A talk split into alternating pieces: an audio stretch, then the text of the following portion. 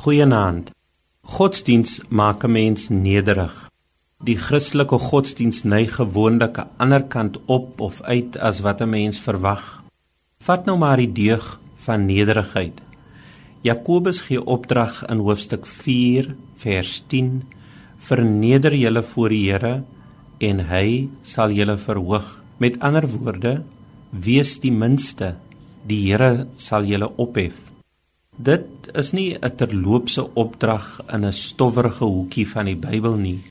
Nee, die oproep tot nederigheid staan oral in die Heilige Skrif, van die Ou tot die Nuwe Testament, want dit is hoe die Here is.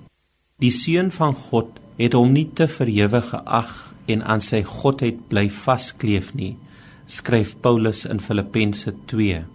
Hy het homself verneder deur die gestalte van 'n slaaf aan te neem en aan mense gelyk te word. Daarom het God hom die naam bo alle name gegee. Net soos Hanna by die geboorte van Samuel, bid Maria met die aankondiging van die geboorte van Jesus. Die Here verstrooi die hoogmoediges in hul eie waan. Hy pluk maghebbers van hul trone en geringes verhoog hy. Jesus self het sy disippels geleer: Wie eerste wil wees, moet die minste van almal wees. As hulle jou uitnooi, gaan sit daar agter by die slawe. Die gasheer sal jou weldra na 'n hoër plek toe vat. Verneder jou voor die Here en hy, die hemelse gasheer, sal jou verhoog. Oor en oor in die Bybel kom die oproep dat ons nederig moet wees. In ons wêreld prys ons prestasie, 'n gedrewenheid om ten alle koste bo uit te kom, altyd eerste te staan, te wen. Maak nie saak of ons soms op ander mense moet trap of ons en ander se menswaardigheid moet inboet nie.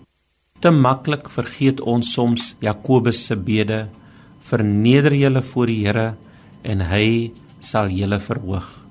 God wat die hoogmoediges weerstaan en aan die nederiges genade skenk. Gee ons die deeg van ware ootmoed waarvan u eniggebore seun 'n toonbeeld is.